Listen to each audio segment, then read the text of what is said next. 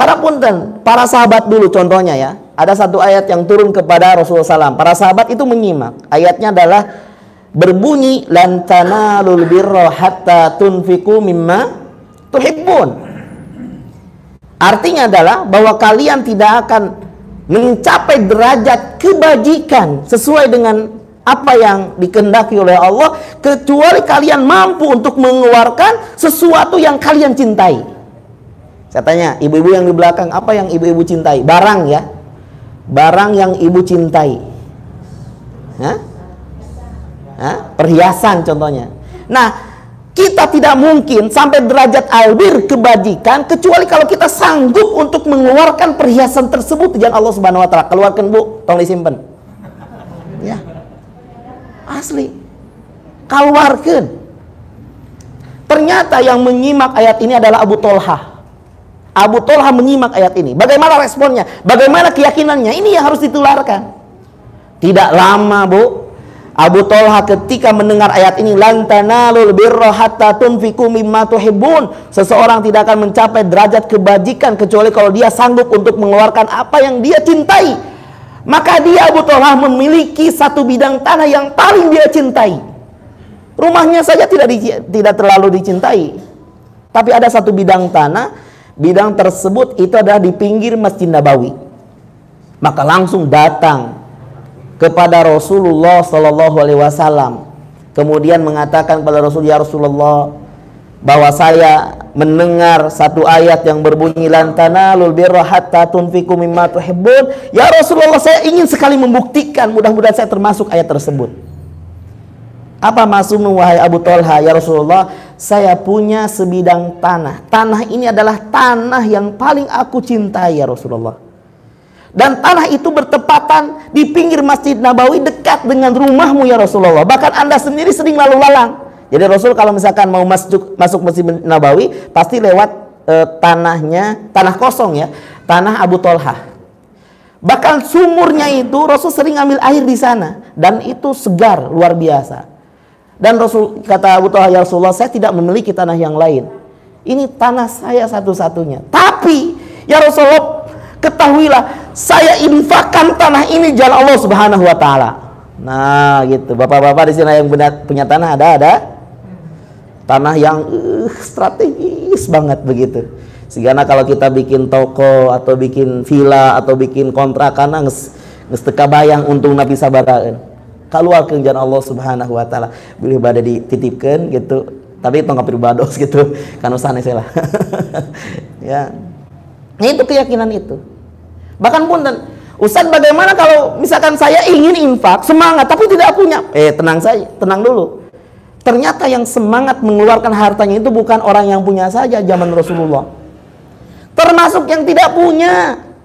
Kan Rasul waktu itu ketika hijrah ke Madinah, Rasul punya rancangan. Rancangannya adalah harus membangun masjid karena kaum muslimin belum punya masjid. Masjid yang dibangun setelah Masjid Kuba itu masjid apa namanya?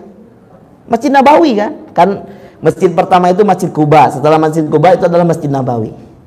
Nah, karena membangun masjid itu butuh dana, maka Rasul waktu itu naik mimbar. Kemudian di atas mimbar tersebut Rasul mengucapkan tahmid, innal hamdalillah dan seterusnya. Kemudian Rasul di sana memotivasi para sahabat untuk mengeluarkan infak. Waktu itu ada Abdurrahman bin Auf. Nanti kita akan bercerita tentang Abdurrahman bin Auf. Tapi ini dulu lah. Abdurrahman bin Auf langsung ketika mendengar kisah dan apa perintah infak, kemudian bagaimana fadilah-fadilahnya, langsung pulang ke rumah. Ya, langsung pulang. Setelah pulang balik lagi kepada Rasulullah SAW. Ternyata di rumahnya dia memiliki sekitar 4000 dinar 4000 dinar itu kali 2 juta setengah sekitar berapa ya? 10 miliar lah. 10 miliar kalau kita konversikan. Nah, karena beliau masih punya kebutuhan untuk mengembangkan, menggolangkan uangnya, maka dibagi dua. 2000 untuk e, melanjutkan usaha, 2000 untuk apa? Untuk diinfakkan untuk Masjid Nabawi. Bari pupuntenan eta teh. Nya dikeresekan gitu, puntennya kan aya wadahna. Naon namina teh? eta kunang teh geningannya titik-titik kunang geningan wadah wadah artos teh geninya artos kencering gitu pribadi semuanya buatkan ah isin ke ibu-ibu di dia mah nya tega gitu itu dibawa 2000 dinar bu 2000 dinar kali 2 juta setengah satu dinarnya 5 miliar bari pun tenang ya Rasulullah maaf maaf sekali saya hari ini belum bisa menginfakkan semuanya saya cuman punya 5 miliar ya Rasulullah. Nah, di ayat itu ya bebuntenan 5 miliar. Punten pada kain, punten anjing mangan sakur tiasa 100 juta gitu. Ada dua puntenan gitu di dia. No, aya non. Mere 500 ribu ke PPD kreng. Cing, mana eta? Facebook, Facebook, Facebook. Uploadnya kayaknya di saya ya ngarana bejakeun gitu. Tatong gitu. Ini sampai para sahabat seperti itu. Nah, bagaimana untuk yang tidak punya? Ada seorang sahabat namanya adalah Abu Akil. Abu Akil tidak punya apa-apa. Jangankan uang berdinar-dinar ribuan, dirham saja nggak punya. Tapi semangat para sahabat ingin punya andil. Meskipun sedikit nggak apa-apa. Kan ada yang berkorban dengan hartanya, dengan tenaganya, pikirannya. Tapi Abu Akil punya satu rantang kurma. Bayangkan di rumahnya satu rantang kurma ini langsung pulang ke rumahnya pas dicari ternyata nggak ada gunukan rupiah nggak ada yang ada cuma satu rantang kurma hmm, dedeh tehnya nasib kia pengintinya cing sabar gitu maka satu rantang kurma ini langsung dibawa kepada Rasulullah SAW dan dilihat oleh orang-orang munafik. Dilihat. Sampai digeh-gehikeun tah ke orang-orang munafik teh. Naon geh-gehikeun teh. Diejek. Geningan sakit itu gak bisa nanti kaum muslimin Allah sarantang. Ye gitu. Tapi masalahnya Abu Akil itu bukan menyepelekan karena gak punya kalau ibu-ibu misalkan ada pembangunan masjid Ustadz punten abdi mah bade masihan orson we hiji ditampi lah orson nunggu loge no penting ikhlas karena Allah subhanahu wa ta'ala akhirnya apa Abu Akil pepunten ya Rasulullah saya termotivasi ingin berinfak tapi saya tidak punya kecuali satu rantang kurma ini. Bagaimana ya Rasulullah? Jika saya tanya, ku Rasul ditampi atau Nabi hente? Ditampi.